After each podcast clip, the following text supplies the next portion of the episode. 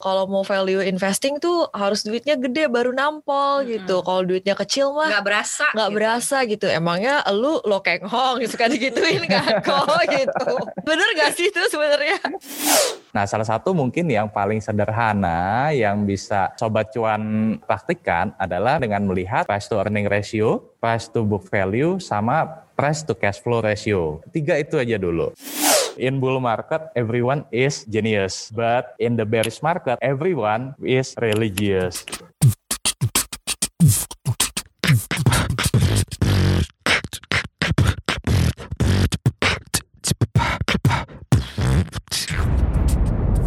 Cuap-cuap cuan.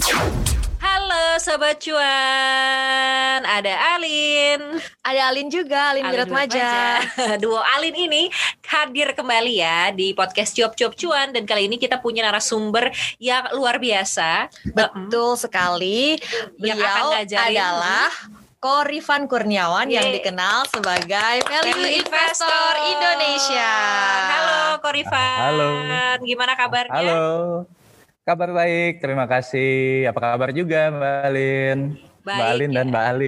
Iya betul, baik-baik walaupun IHSG lagi galau ya. Eh sebelum kita ke tema utamanya kita mau minta pendapatnya Korifan Mhm. dulu ya. Ini Korifan kemarin sampai IG live gitu ya khusus untuk menjawab keresahan-keresahan eh, para trader dan investor di Indonesia soal IHSG yang gerakannya tuh belakangan tuh semakin gak ketebak kayak Mm-mm. gitu. Sebenarnya kayak gimana sih Ya. eh, pandangan dari Korifan sendiri? Ya, jadi memang kemarin sempat uh, banyak yang minta atau request IG live karena kan ya, IISG habis eh, meningkat atau bullish selama kurang lebih tiga bulan terakhir kan sempat tuh seminggu terakhir di bulan Januari eh, kemudian turun ya kan. Nah, jadi eh, sebenarnya kalau menurutku sendiri gini, ketika IISG kan sempat ya masih di bawah 5 ribuan waktu sampai bulan Oktober. Nah, kemudian kan ketika di bulan November itu kan eh, mungkin ada beberapa katalis positif ya, misalkan kayak terpilihnya Joe Biden eh, menjadi eh, presiden apa presiden Amerika Serikat, kemudian juga eh, GDP Indonesia di kuartal 3 yang lebih baik dibandingkan dengan kuartal 2 meskipun masih negatif ya kan. Nah, jadi eh, dan juga maks- masuknya vaksin waktu itu kan. Nah, hal-hal itu yang kemudian eh, kalau saya ngelihatnya membuat eh, para investor ini kemudian menjadi optimis gitu. Hmm. Nah, jadi ketika eh, market kemudian mereaksi positif, nah ini sepertinya kayak ada semacam apa ya, kayak pengen balas dendam gitu loh. Wah, udah setahun, udah hampir setahun ini marketnya bearish ya, begitu optimis ya, yang tadinya mungkin tahan-tahan untuk orang trading, akhirnya jadi apa mulai beli gitu dan kekuatan daya beli itulah yang kemudian ya eh, membuat IHSG meningkat. Nah, cuman yang disayangkannya adalah sepertinya nih ketika bulan-bulan Desember dan Januari di mana kan Desember kita tahu ada uh, Desember efek, ada Santa Claus efek ditambah dengan Januari efek di Januari. Ya, ini kemudian membuat orang semakin atau mulai masuk ke dalam zona euforia. Nah, jadi zona euforia ini kelihatannya dari mana? Sebenarnya simpel aja. Kalau kita lihat misalkan nih di sosial media ya, itu ada cukup banyak orang yang kemudian ya pamer portonya ya. Kalau untuk sharing atau mengungkapkan kesenangannya wah eh, profit nih itu nggak ada masalah. Tapi ada juga yang eh, apa pamer tapi tanpa di tanpa dia tahu sebenarnya kenapa kok bisa naik. Nah itu sebenarnya. Nah selain itu juga ya eh, saya juga eh, kita juga banyak melihat bahwa muncul fenomena beli saham pakai hutang. Mm-mm. Nah, jadi jadi kan Nah. uh, apa namanya udah udah misalkan nih dia punya uang sekian ya, tapi uh, punya fasilitas margin dipakai, belum lagi ditambah sama misalkan utang-utang di di luaran. Ada kan di sosial media tuh kalau kita lihat ada yang pakai dana buat nik Pinjol, pinjol ya dana nikah lah, dana rumah tangga lah segala macam. Nah, jadi hal itulah yang kemudian membuat harga saham itu banyak yang melambung tinggi. Dan yang diperparah lagi ada beberapa saham yang mungkin udah valuasinya gila-gilaan itu makin dikejar. Seperti itu. Ya belum lagi kalau kemarin kan ya muncul beberapa fenomena ya ya kita Gelombang sebut- ARB. Gelombang ARB ya kan. Nah, itulah yang kemudian seperti balon ya, kemudian itu menjadi meletus gitu. Dan di sisi lain kan kalau kita bandingkan sedikit dengan uh, bursa saham di Amerika, bursa saham di Amerika itu juga sekarang valuasinya juga cukup cukup gila. Sebenarnya cukup mahal lah.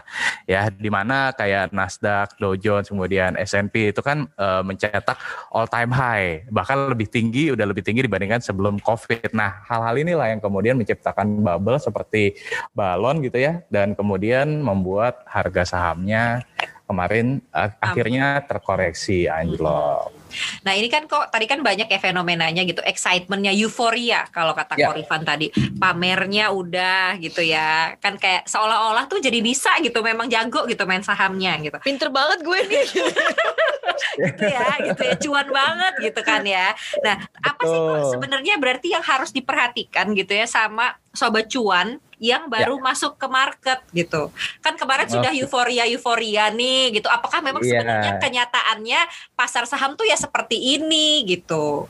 Oke, nah jadi buat sobat cuan nih yang mungkin baru masuk ke market nih mungkin akan bingung loh kemarin teman saya bilang lagi cuan, kok sekarang pada ngomel-ngomel di sosial media, mungkin akan jadi akan terjadi sebuah kebingungan gitu ya. Nah mungkin uh, kalau saya boleh saran ya buat teman-teman yang baru masuk di market nih ya, pertama pastikan punya mindset dulu nih yang benar ya sebelum mulai investasi pastiin dulu bahwa mindsetnya udah benar. Mindset yang benar itu maksudnya gimana sih? Mindset yang benar itu maksudnya adalah misalkan kita nih beli saham adalah beli perusahaannya. Jadi hmm. bukan cuman beli, bukan cuman uh, apa ya sekedar jual beli jual beli tapi karena kita beli karena kita percaya dengan prospek dari si perusahaan tersebut. Nah, itu yang pertama. Jadi punya hmm. mindset yang benar dulu. Nah, mindset yang kedua apa? Mindset yang kedua adalah pasar saham itu kan sebenarnya dicip apa ya? Uh, lebih cocok lah kita bilang lebih cocok untuk investasi uh, atau tujuan keuangan jangka panjang. Ya, hmm. karena kalau jangka pendek sebenarnya bisa aja cuma risikonya kan juga akan lebih tinggi. Ya, sebagaimana kita tahu ya uh, seminggu belakangan uh, minggu terakhir di bulan Januari ya uh, ISG turun enam hari berturut-turut. Mm-hmm. Nah, jadi uh, pastikan dulu bahwa punya mindset yang uh, tepat. Nah, kemudian selain punya mindset yang tepat, ya pemilihan sahamnya. Nah, jadi pemilihan saham ini ya sebelum teman-teman atau sebelum uh, sobat cuan membeli, coba deh pelajari dulu uh, kalau bisa pelajari laporan keuangannya.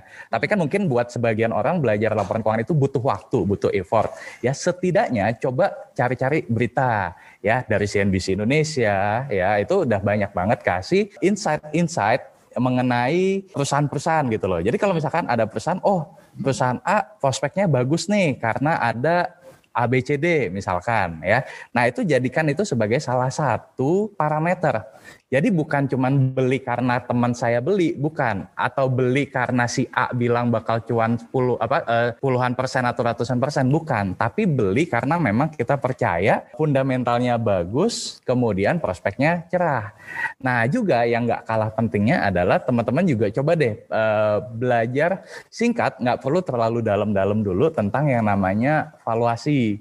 Ya, jadi sebenarnya kan simple. Kita beli saham yang perusahaannya bagus, prospeknya cerah, tapi harganya juga masih masuk akal. Ya, jadi bukan saham yang kalau saya sebutnya bukan saham yang lagi hype. Saham lagi hype boleh, cuman itu akan menimbulkan risiko yang lebih besar.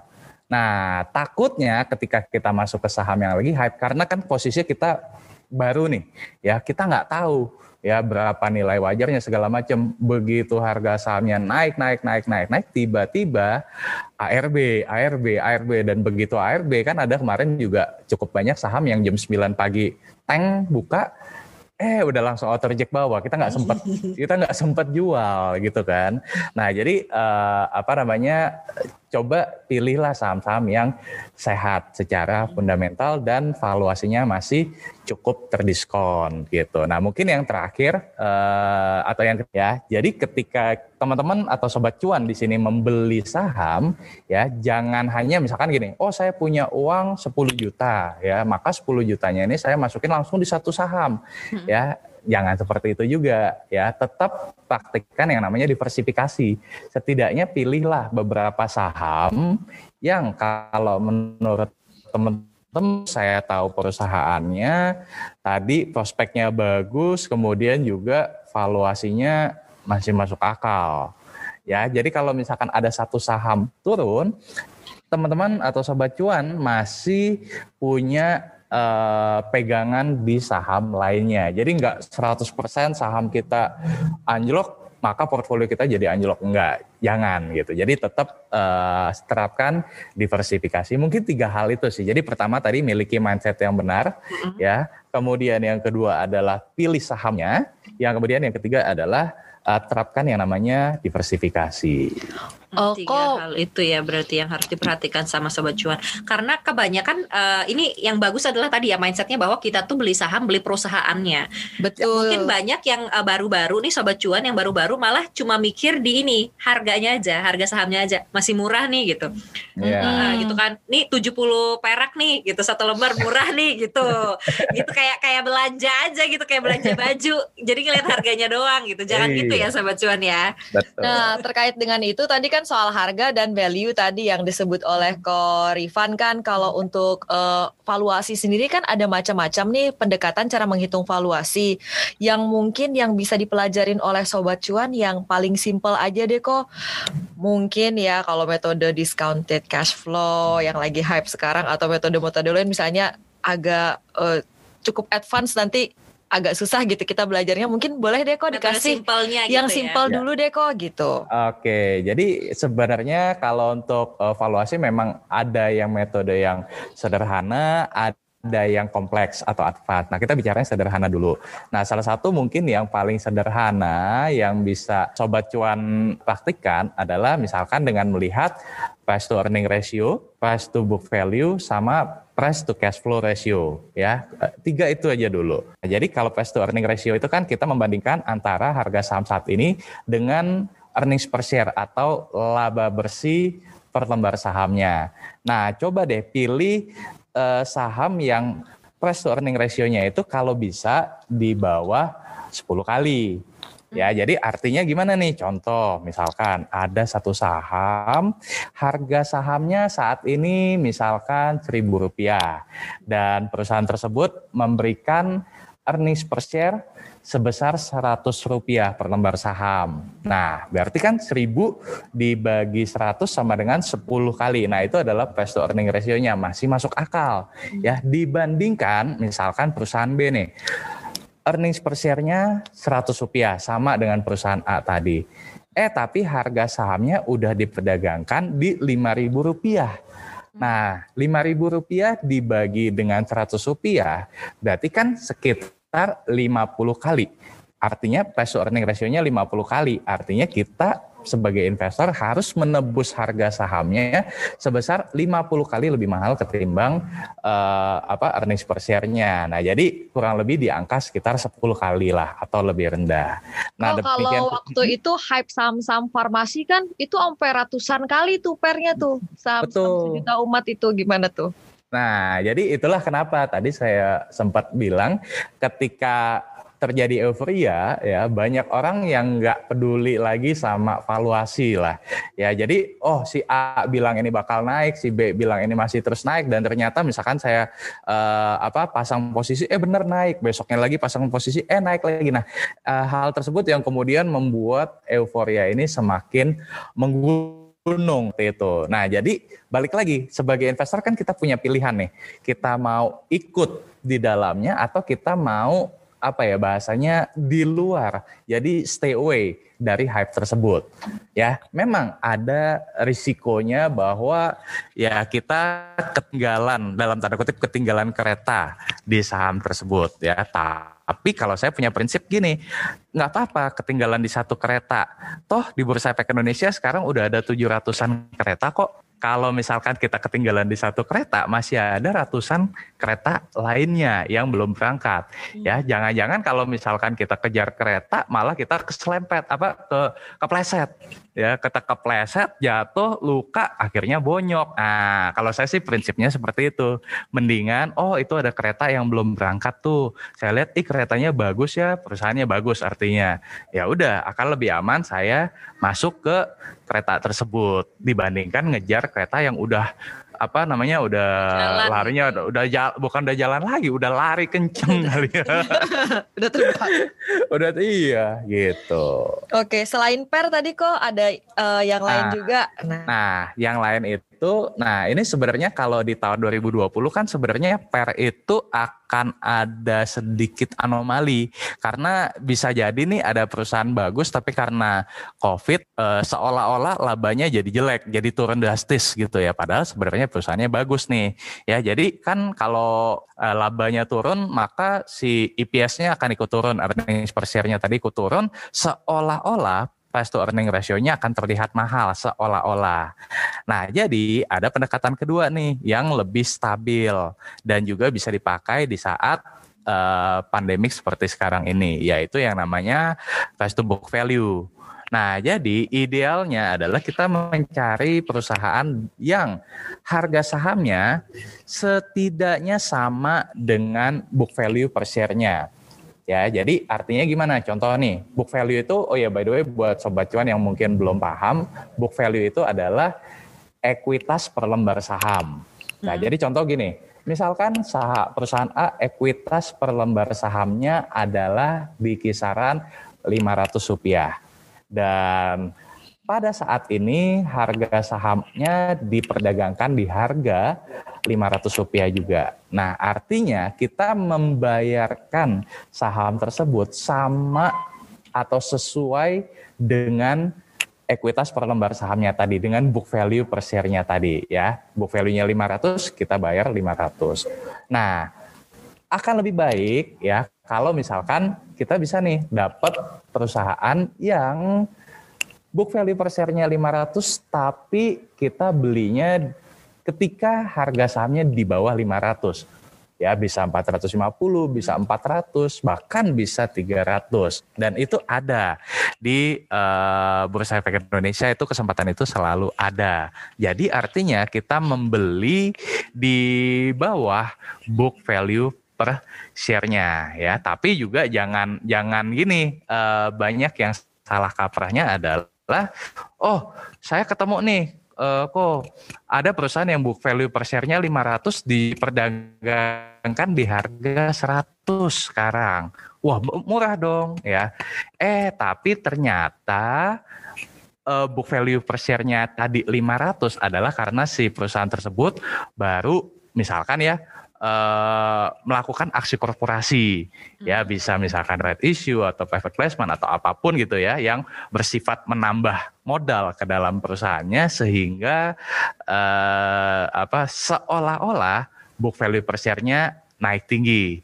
Ya jangan seperti itu juga. Tapi ya pastikan bahwa memang book value per share-nya itu adalah yang real lah tanpa aksi korporasi. Kurang lebih seperti itu. Sama tadi yang terakhir adalah price to cash flow ratio. Nah, jadi kalau price to cash flow ratio ini kita bandingkan terhadap uh, kemampuan perusahaan mencetak operating cash flow atau arus kas operasi. Sama, mirip kayak price to earning ratio yang di awal, tapi sudut pandangnya kita ambil dari cash flow per share. Jadi sama, kurang lebih di 10 kali atau lebih rendah. Gitu.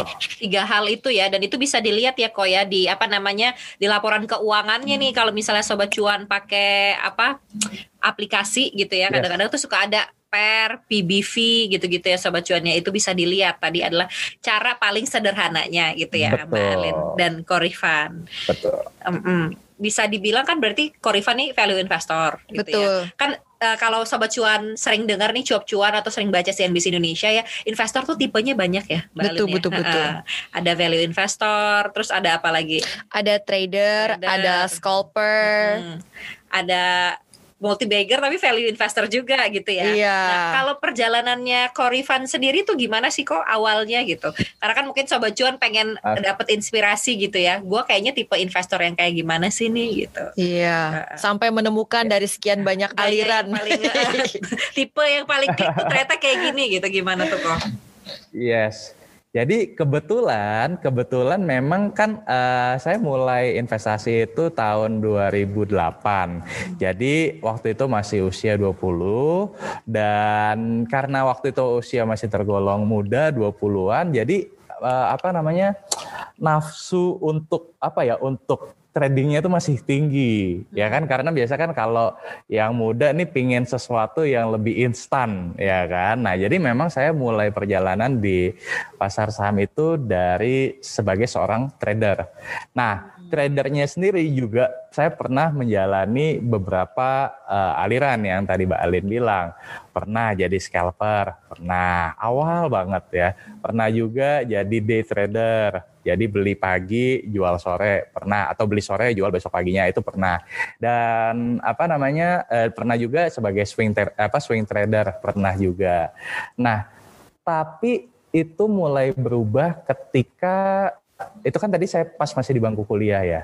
Nah, ketika saya mulai masuk ke dunia korporasi, eh, saya merasa bahwa pendekatan tersebut tidak sesuai dengan eh, tuntutan pekerjaan. Jadi waktu itu kan sambil bekerja agak kelimpungan waktu itu. Karena kan sebagai seorang trader kan kita harus memperhatikan momentum, betul ya? Iya betul. Nah, jangan sampai kayak misalkan nih apa namanya uh, pas minggu lalu ISG lagi naik, eh tiba-tiba kita lagi meeting, tiba-tiba ISG turun, ya karena itu kan uh, perlu memperhatikan yang namanya momentum tuh. Jangan-jangan kita lagi meeting, ya pas lihat buka aplikasi, aduh ISG turun, langsung buyar tuh, apa nggak fokus lagi sama meeting di kantor, ya kan? Nah jadi itu yeah. nggak nggak apa, saya ngerasanya waktu itu um, jadi agak mengganggu pekerjaan saya waktu itu. Nah jadi akhirnya uh, saya mulai men, merubah atau uh, menyesuaikan diri gitu ya uh, ke pendekatan dengan investasi yang time frame lebih panjang. Nah, jadi time frame lebih panjang waktu itu kan juga ada uh, ada growth investing, ada value investing gitu kan. Dan kemudian saya coba cari literasi ya buku-buku. Uh, waktu itu sayangnya buku-buku di dengan bahasa Indonesia belum banyak, dikit banget. Jadi saya cari Eh, buku-buku luar. Nah, ketika saya cari buku-buku luar, nah ketemulah dengan istilah value investing, mm. ya kan. Nah, jadi saya coba pelajari segala macam pendekatannya seperti apa. Saya lihat kok make sense juga ya cari saham yang terdiskon.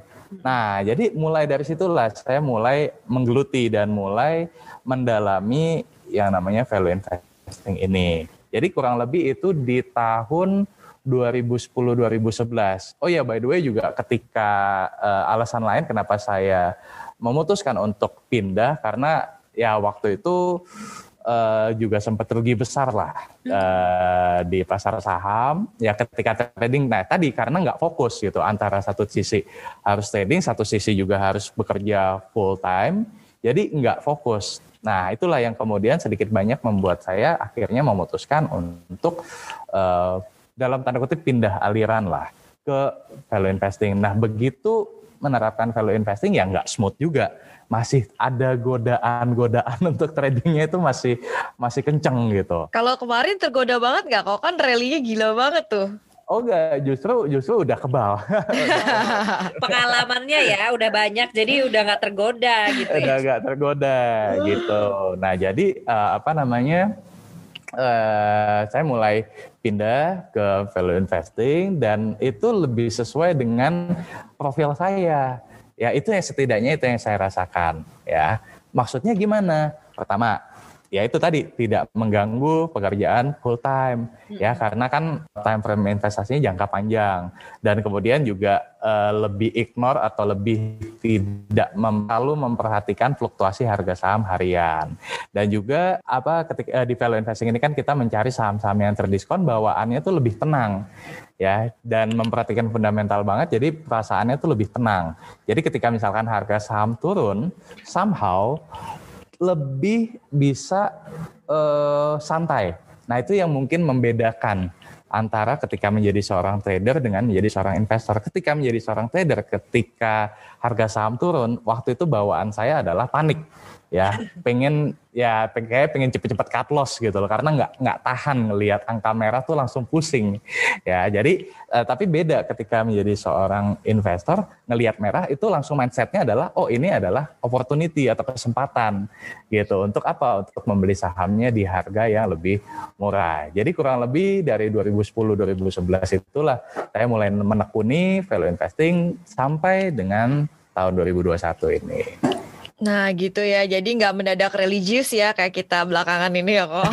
Tidak, uh, udah, udah, udah, udah, udah 10 tahun lah berarti kurang lebih. Oke, ada kuatnya tadi kata ko ko Rifan tuh. Apa kuatnya kok boleh dikeluarin nggak? Oh. ya, jadi apa namanya uh, in in bull market everyone is genius, but in the bearish market everyone is religious gitu. Jadi Karena sedikit berdoa semua ketika fase aja gitu. Iya, berdoa ya Tuhan semoga besok harga saham naik ya kan jadi religius tiba-tiba. Rebound please gitu kan. Ternyata reboundnya fake. Betul. Iya. Berarti itu ya semua orang tuh punya jerninya sendiri. Mungkin kalau misalnya sobat cuan gitu sekarang lagi di, uh, di lagi di fase trading nih, lagi senang-senangnya mm -hmm. trading gitu mm -hmm. ya. Ya bisa kadang-kadang cuan, bisa kadang-kadang harus merelakan atau ikhlas gitu ya.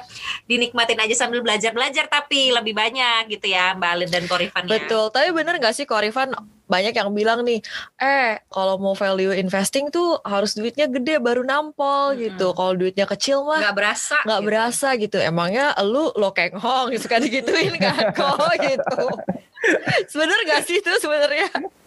Oke, ya memang memang memang ada beberapa yang paradigmanya seperti itu. Nah, kalau saya sendiri sih bilang tidak tidak seperti itu ya. Jadi gini, uh, memang memang ini tergantung ke orangnya masing-masing ya. Kalau saya kalau saya punya pendapat gini, uh, value investing itu cocok buat semua orang ya, terutama mereka yang punya kesibukan sehari-hari terlepas dari berapapun dana yang dia miliki. Karena kan besar atau kecilnya dana itu relatif.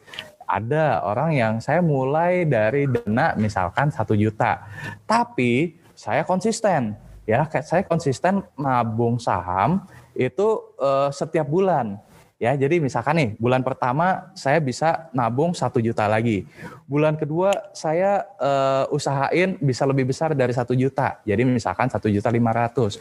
Ya, bu, uh, beberapa bulan berikutnya misalkan jadi dua juta per bulan, jadi tiga juta per bulan. Lama-lama menggulung kan jadi lima juta, sepuluh juta per bulan. Nah, yang tadinya modalnya relatif kecil, tapi karena dia disiplin, akhirnya lama-lama modalnya jadi semakin besar ya. Nah, jadi ibaratnya itu seperti uh, bola salju. Nah, yang beruntungnya adalah karena si orang tersebut sudah disiplin dan sudah sudah belajar tentang value investing, ya sudah sudah terbiasa lah, sudah, sudah terbiasa mencari saham-saham yang salah harga, sudah terbiasa tidak uh, gerada keruduk apa beli saham kemudian pengen cepet-cepet jual lama-lama ketika modalnya semakin lama semakin besar itu akan mempercepat eh, akumulasi asetnya dia setidaknya itu yang saya alami Mbak Alin.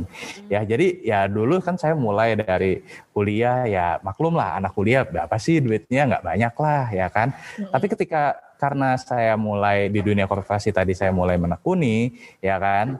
Mulai uh, lebih disiplin dalam uh, menyisihkan salary untuk uh, in, apa untuk investasi, kemudian juga ada uh, usaha kecil-kecilan disisihin lagi buat investasi, tapi itu menggulung. Nah, jadi bukan tiba-tiba juga duitnya tiba-tiba si BIM salah BIM jadi banyak, enggak. Tapi karena proses, nah yang beruntungnya adalah juga ada yang namanya compound interest, uh, compound of, sorry, uh, the power of compound interest. Jadi apa yang kita investasikan, hasilnya itu kita reinvest lagi, kita gulungkan lagi seperti itu. Jadi seperti bola salju tadi, lama-lama makin lama makin besar. Hmm. Nah ini kalau kalau menurut uh, journey saya sendiri lebih working ya ketimbang trading. Di sini bukan saya mendiskreditkan trading ya, bukan. Tapi uh, balik lagi nih lebih ke uh, mana sih yang lebih sesuai dengan uh, profil risiko sobat cuan semua. Kalau kebetulan kalau saya lebih cocoknya adalah di investing. Kenapa? Karena kalau di trading kan tadi kita bicara soal win rate. Hmm. Ya kan? Nah, ketika misalkan nih kita cuan cuan cuan cuan tapi ada kalanya nanti misalkan lebih banyak lossnya. Ya kan? Jadi lebih fluktuatif seperti itu. Mau duit sebanyak apa pun tapi kalau win rate-nya nggak besar, ya lebih banyak cut loss-nya ketimbang uh, profitnya, ya lama-lama modalnya juga bisa berkurang. Gitu sih. Jadi yang saya setidaknya yang saya alamin. Oke. Okay. Jadi disiplinnya itu gitu ya sobat cuan ya. Nggak apa-apa dikit-dikit dulu, ditabung dulu, lama-lama menjadi bukit, lama-lama berasa. Hmm, nampol. Betul. Ada prosesnya gitu. Nah kalau misalnya kan tadi uh, Korifan sebenarnya sudah bilang gitu ya, apa saham-saham yang apa masih murah gitu kan, yang belum dilirik orang gitu. Apalagi sih kok tipe-tipe saham kayak apa atau ciri-cirinya kayak gimana gitu yang menjadi saham yang bikin seorang value investor tuh tertarik? Oke, yang pasti yang pertama adalah saham-saham atau perusahaan-perusahaan yang belum hype. itu deh, itu yang pasti. Pas hype Jadi, malah Korifan jualan ya? Iya, betul. Ya, jadi ketika hype biasanya kan harga sahamnya langsung melonjak signifikan gitu kan. Dan bahkan kan sering kali banyak trader yang mencari ini kenapa sih kok saham ini naik gitu kan. Nah, eh, ketika orang berebutan untuk membeli sahamnya ya, ya itu kesempatan buat kita sebagai seorang investor itu menjual harga sahamnya. Nah, jadi yang pertama adalah dari saham yang belum hype karena ibaratnya saham-saham value stock atau saham-saham yang terdiskon ini mirip seperti harta karun. Hmm. Ya, kalau harta karun ya kita tahu dong eh, apa namanya tidak banyak orang yang tahu keberadaannya. Ya kalau banyak orang yang tahu keberadaannya udah bukan jadi harta karun lagi, udah jadi harta sama-sama. Betul ya. Nah, jadi nah, karena kita cari nih harta karun belum banyak orang yang tahu ya. Nah, taunya dari mana? Nah, taunya adalah kita bikin dulu nih database, ya kan?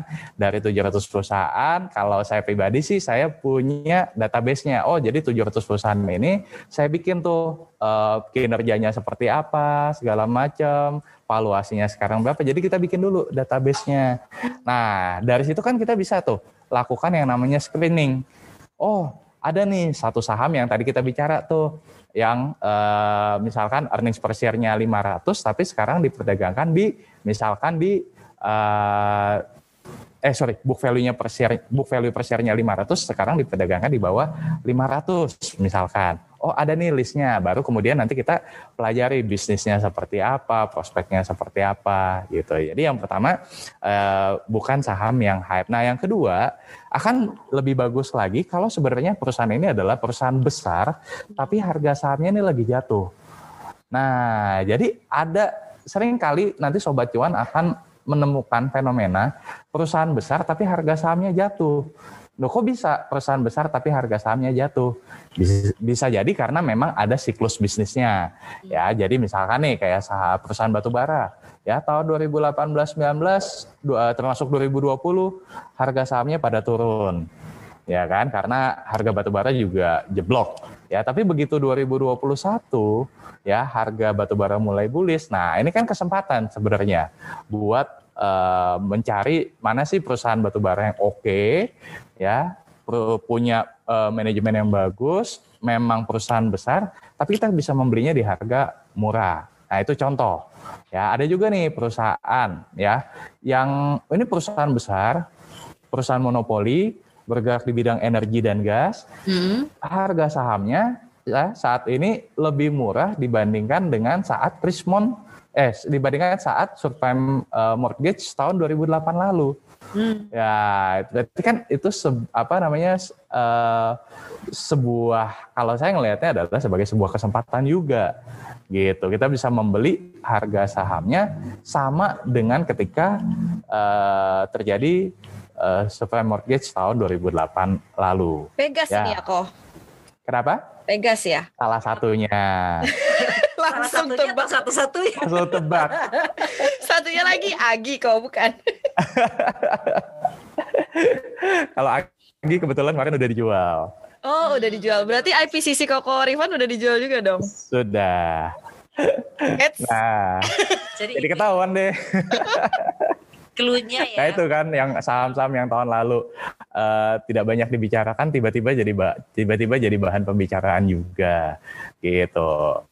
Nah jadi kurang lebih seperti itu sih. Jadi cari saham yang belum hype ya, belum banyak dibicarakan orang ya dan kemudian ketika harga sahamnya masih murah ya kita bisa masuk.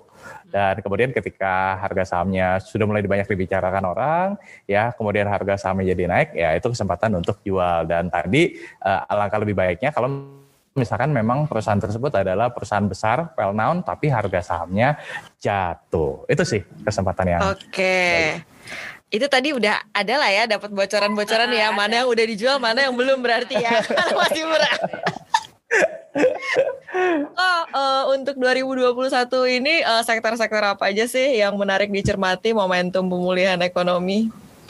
Oke, nah jadi kalau kalau untuk pemulihan ekonomi sendiri, uh, saya lebih punya preferensi itu di saham-saham yang berkomoditi atau komoditas, karena kan biasanya uh, ketika pemulihan terjadi terjadi pemulihan ekonomi kan harga-harga komoditas akan rebound juga.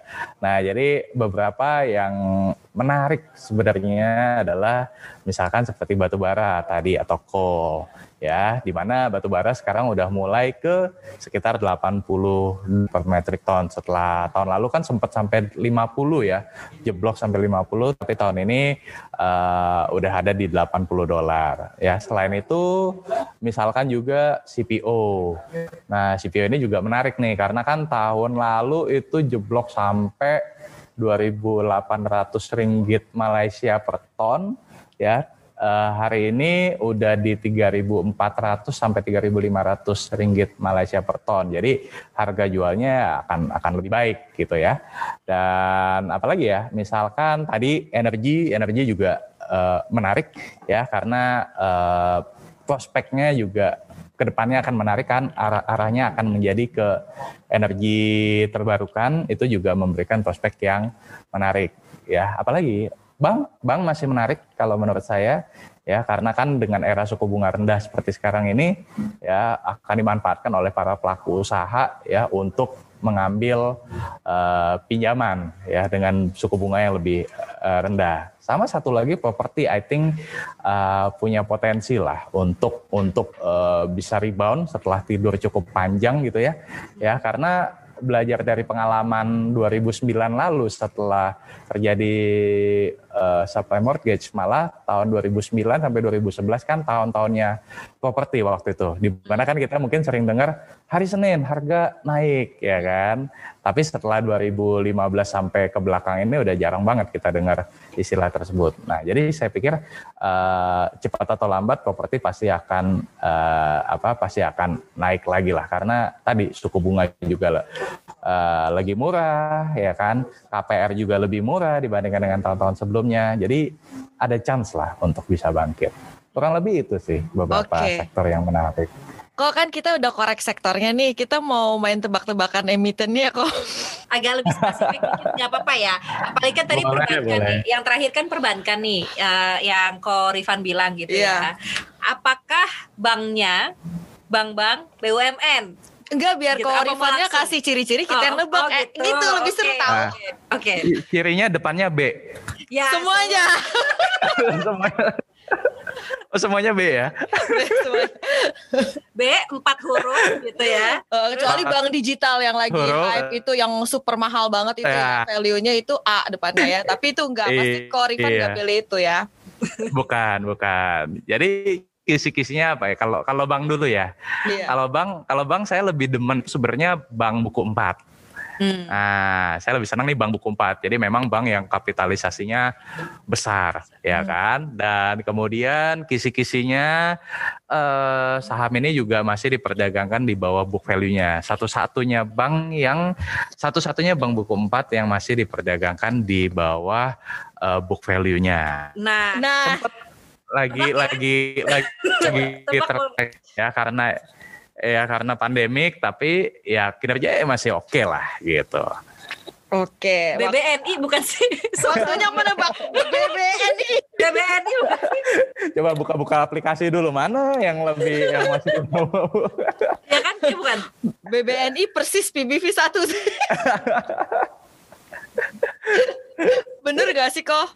Ya benar, salah satunya itu. Oh, oh okay. berarti masih ada lagi sobat cuan. Ada lagi. ada lagi, ada lagi sebentar ya. Bisa cari-cari lagi. lagi. Oh, Balin mau tetap nyari tetap juga. nyari dong. Uh, uh, BDM eh BDMN itu bank buku berapa sih? Bukan ya? Apa Bukan, uh, bukan banknya ini baru baru naik kelas ke bank buku 4. Ada juga itu masih di bawah book value-nya. Oh, saya tahu BNGA.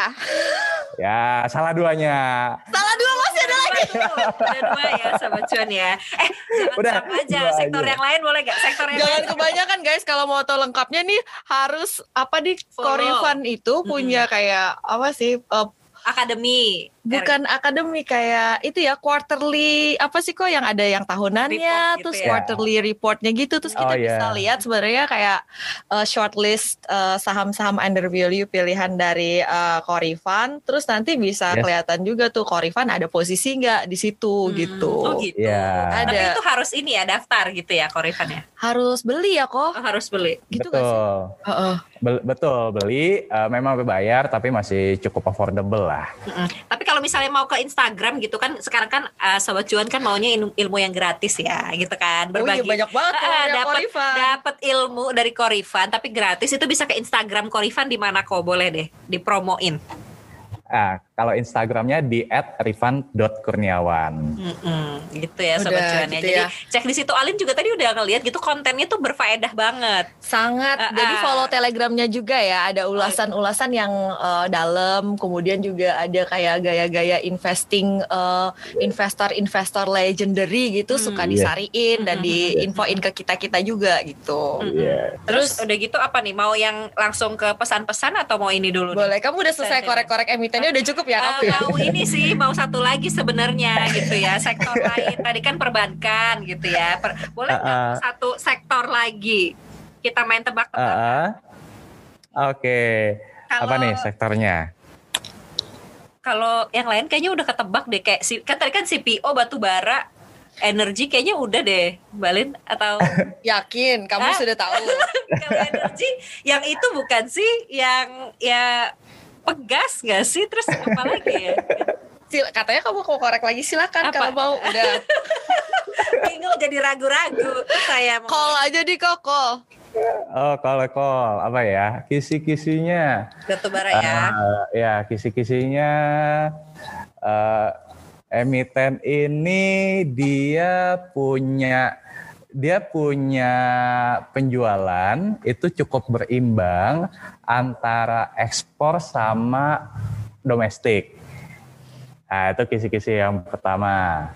Ya, jadi dia dia nggak terlalu banyak, nggak terlalu heavy di ekspor, tapi dia juga ada domestiknya juga, ada ekspornya juga.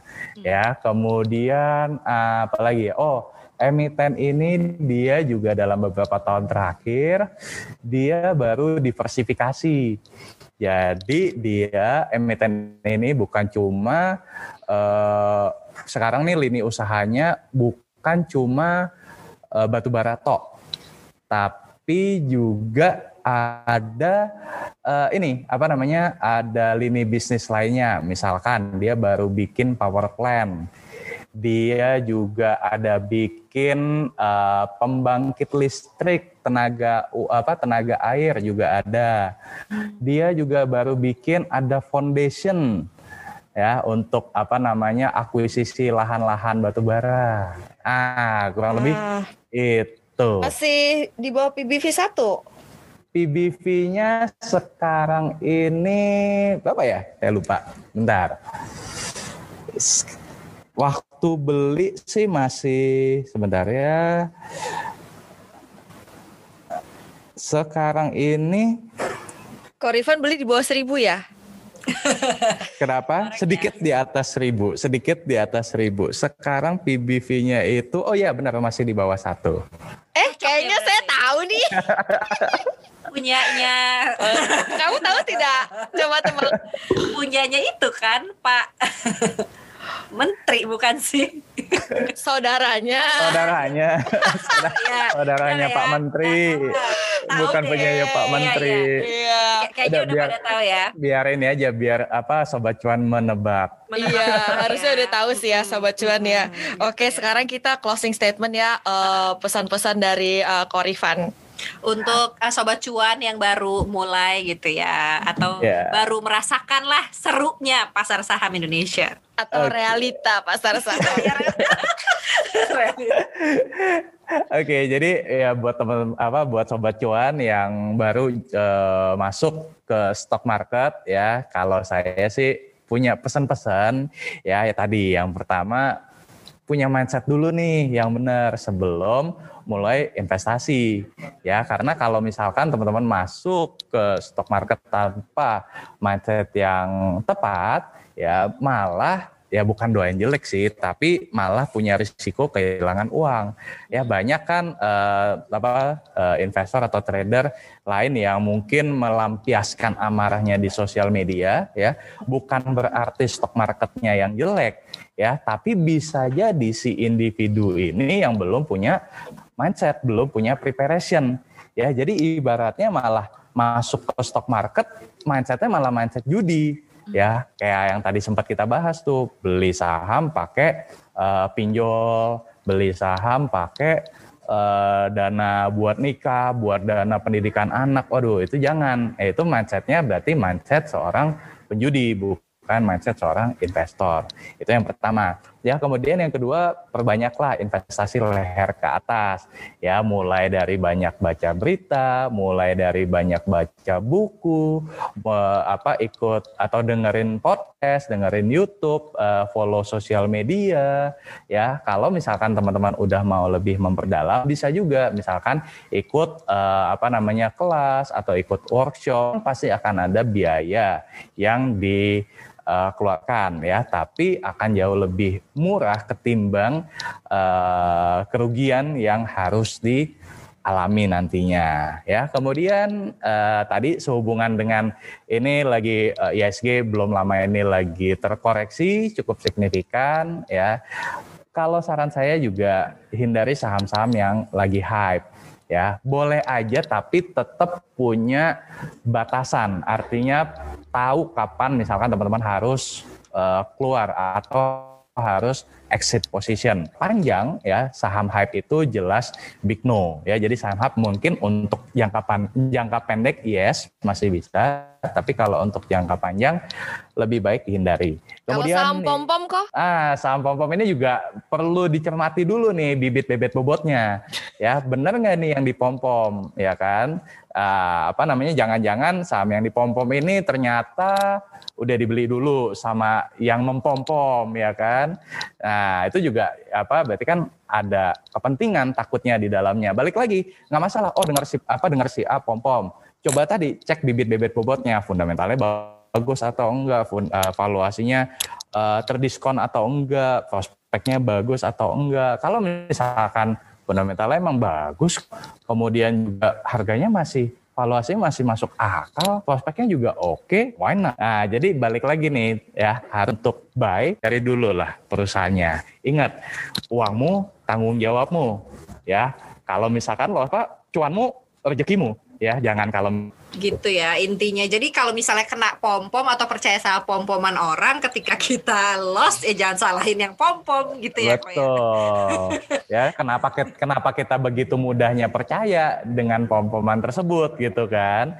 Mm -mm. Gitu itu dia ya tadi ya sobat cuannya banyak banget nih apa pelajaran dan informasi yang kita dapat dari Korifan kalau misalnya mau tahu lebih lanjut gitu ya konten-kontennya Korifan tuh banyak yang bagus-bagus nih sobat cuan langsung aja ke @rifan titik kurniawan gitu ya Betul. atau rifan.kurniawan mm -hmm. gitu. websitenya juga ada ya untuk tahu kayak uh, apa aja sih eh, laporan-laporan yang diterbitin sama uh, Korifan Kurniawan terkait dengan saham-saham under value yang bisa dipertimbangkan teman-teman gitu. Betul. Kalau misalnya sobat cuan pengen ngedengerin gitu ya uh, job-job cuan itu nggak ada cuma di Spotify tapi ada di Apple Podcast juga Google Podcast. Dan kita punya Instagram juga loh Korifan dan Sobat Cuan. Di mana Mbak Alin? Di @cuap_cuan. Di @cuap underscore cuan. Atau Abis Instagram CNBC Indonesia deh apa? Iya, at CNBC Indonesia. Ya, atau ke www.cnbcindonesia.com ya. Di situ banyak informasi-informasi seputar ekonomi, bisnis, finansial, dan investasi tentunya. Yes. Itu aja Sobat Cuan. Terima kasih juga untuk Korifan ya. Thank you. Uh, uh, Thank you Korifan. menyediakan waktunya dan berbagi ilmu sama kita dan juga sobat cuan di episode kali Dan ini. berbagai kode cuan. Itu yang paling penting ya kodenya ya. Tapi tentu aja keputusannya adalah ada di tangan sobat cuan lagi gitu ya, ya. kan kata Korifan tadi Hmm. do your own research ya. Yes. It's your money gitu ya. Hmm. Oke. Ya udah gitu aja deh dulu. Kalau gitu ya kita pamit dulu. Saya Alin. Saya Alin Wiratmaja. Terima Dan kasih juga- Sobat Cuan. Mm, Dan juga Korifan Kurniawan kita pamit ya. Dah Ya. sobat cuan. Bye. Thank you. Bye.